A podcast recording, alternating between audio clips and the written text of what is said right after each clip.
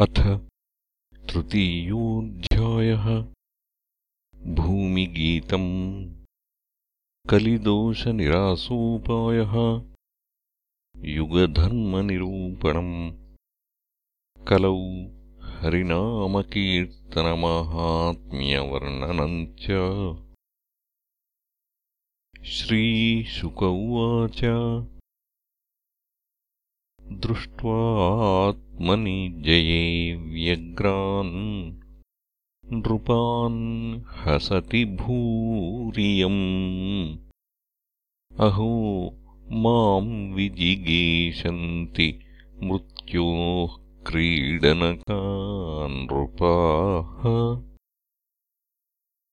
काम एष नरेन्द्राणाम् मोघः स्याद्विदुषामपि येन फेनोपमे पिण्डे येति विश्रम्भिता नृपाः। पूर्वम् निर्जित्य षड्वर्गम् जेष्यामो राजमन्त्रिणः। ततः सचिवपौराप्तकरीन्द्रानस्य कण्टकान् एवम् क्रमेण जेष्यामः पृथ्वीम् सागरमेखलाम् इत्याशाबद्धहृदया न पश्यन्त्यन्तिकेऽन्तकम् समुद्रावरणाम् जित्वा माम् विशन्त्यब्धिमोजसा। कियदात्मजयस्यैतन्मुक्तिरात्मजये फलम्। याम् विसृज्यैव मनवः तत्सुताश्च कुरूद्वः गता यथागतम् युद्धे ताम् माम् जेष्यन्त्यबुद्धयः मत्कृते पितृपुत्राणाम् भ्रात् चापि विग्रहः जायते ह्यसताम् राज्ये ममताबद्धचेतसाम्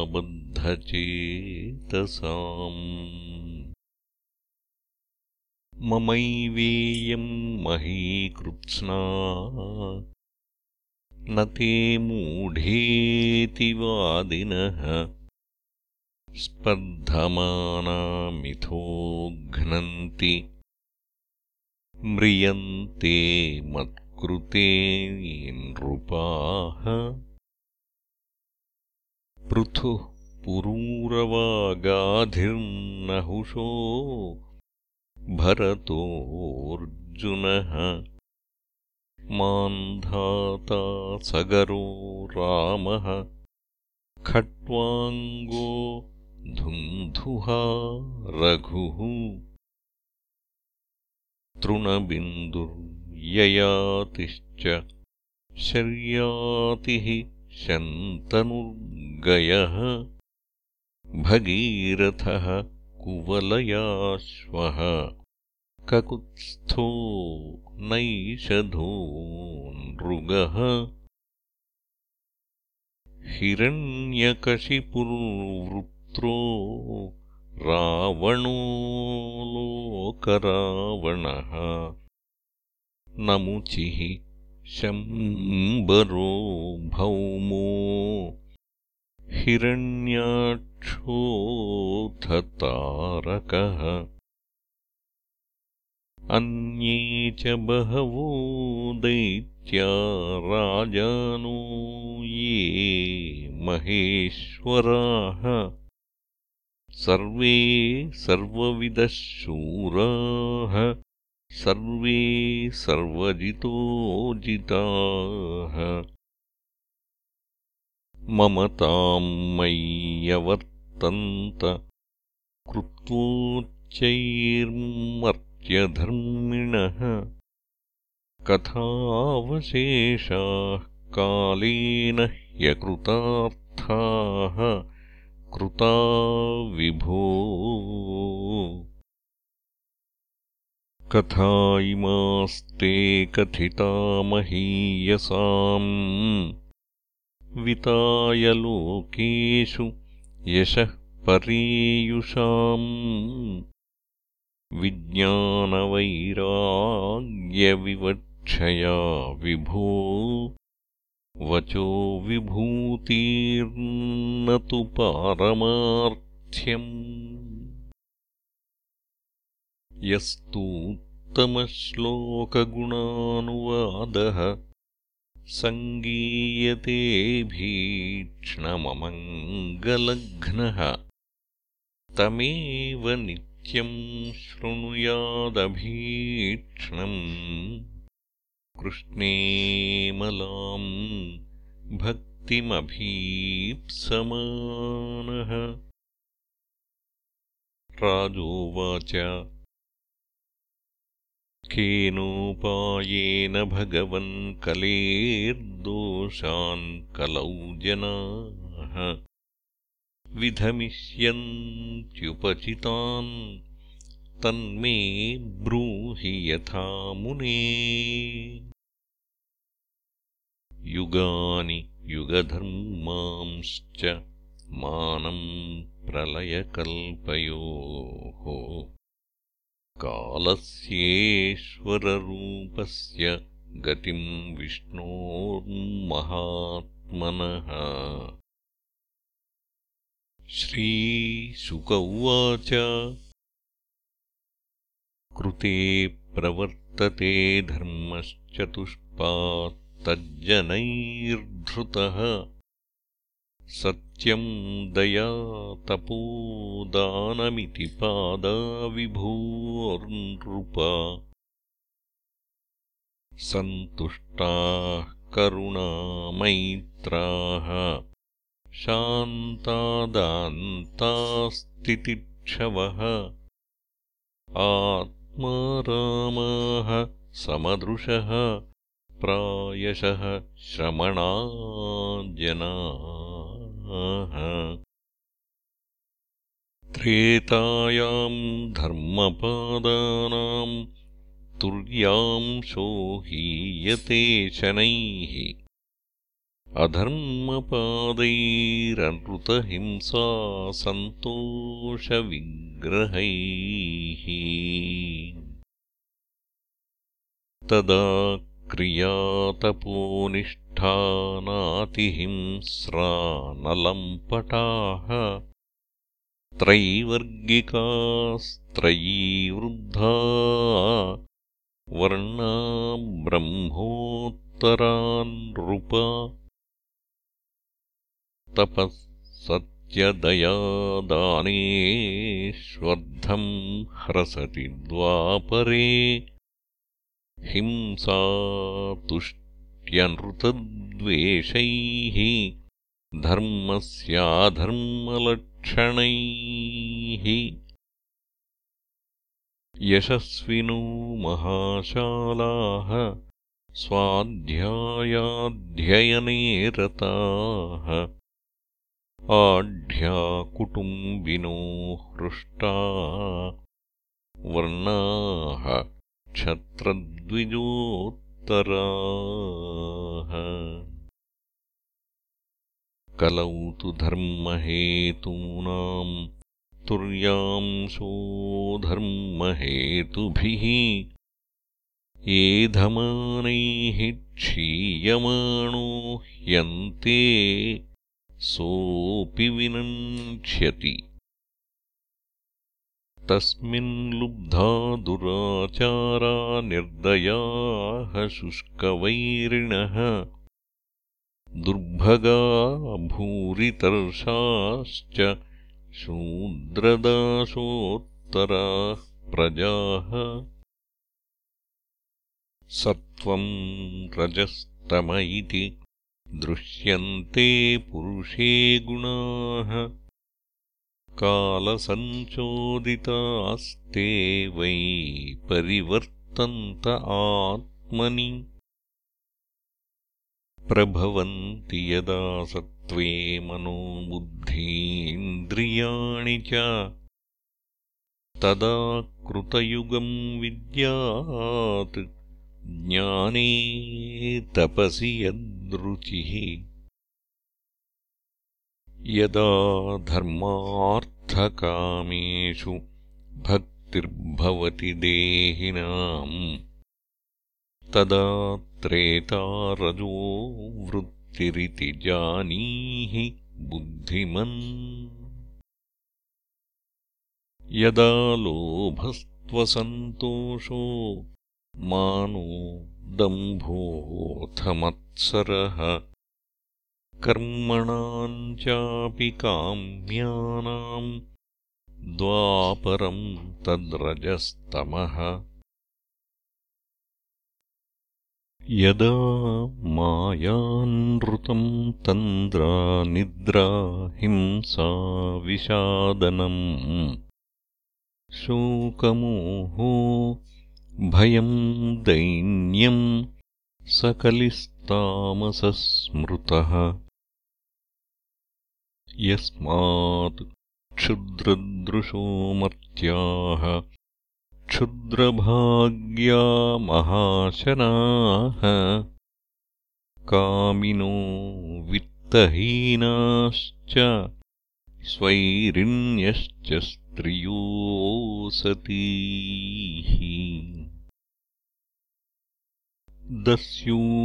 दस्योत्कृष्टा जनपदा वेदाः पाषण्डदूषिताः। राजानश्च प्रजाभक्षाः। शिष्णोदरपराद्विजाः। अव्रतावटवो शौचाभिक्षवश्च कुटुम्बिनः तपस्विनो ग्रामवासान्यासिनोत्यर्थलोलुपाः ह्रस्वकाया महाहारा भूर्यपत्या गतह्रियः स्त्रियः कटुकभाषिण्यः चौर्यमायोरुसाहसाः पणयिष्यन्ति वै क्षुद्राः किराटाः कूटकारिणः।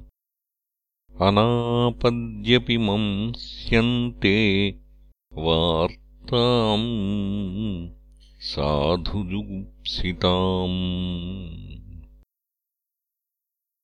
पतिम् त्यक्ष्यन्ति निर्द्रव्यम् भृत्या ्यखिलोत्तमम् भृत्यम् विपन्नम् पतयः कौलम् गाश्चापयस्विनीः। पितॄन् भ्रातॄन् सुहृज्ञातीन् हित्वा सौरतसौहृदाः ननान्दृश्यालसंवादा दीनाः स्त्रैणाः कलौ नराः। शूद्राः प्रतिग्रहीष्यन्ति तपोवेशोपजीविनः। धर्मम् वक्ष्यन्त्यधर्मज्ञा अधिरुह्य उत्तमासनम्। नित्यमुद्विग्नमनसो दुर्भिक्षकरकर्षिताः। निरन्ने भूतले राजन्ननावृष्टिभयातुराः वासोन्नपानशयनव्यवायस्नानभूषणैः हीनाः पिशाचसन्दर्शा भविष्यन्ति कलौ प्रजाः। कलौ काकणिकेऽप्यर्थे विगृह्यत्यक्तसौहृदाः त्यक्ष्यन्ति च प्रियान् प्राणान् हनिष्यन्ति स्वकानपि। न रक्षिष्यन्ति मनुजास्थविरौ पितरावपि पुत्रान् सर्वार्थकुशलान् क्षुद्राः शिष्णोदरम्भराः कलौ न राजन् जगताम् परम् गुरुम् त्रिलोकनाथानतपादपङ्कजम् प्रायेण मर्त्या भगवन्तमच्युतम् यक्ष्यन्ति पाषण्डविभिन्नचेतसः। यन्नामधेयम् म्रियमाणातुरः पतन् स्खलन् वा विवशो गृणन् पुमान् विमुक्तकर्मार्गल उत्तमाम् गतिम् प्राप्नोति यक्ष्यन्ति न तम् कलौ जनाः पुंसाम् कलिकृतान् दोषान् द्रव्यदेशात्मसम्भवान्। सर्वान् हरति चित्तस्थो भगवान् पुरुषोत्तमः। श्रुतः सङ्कीर्तितो ध्यातः पूजितश्चादृतोऽपि वा नृणाम् धुनोति भगवान्। हृत्स्थो जन्मायुताशुभम्।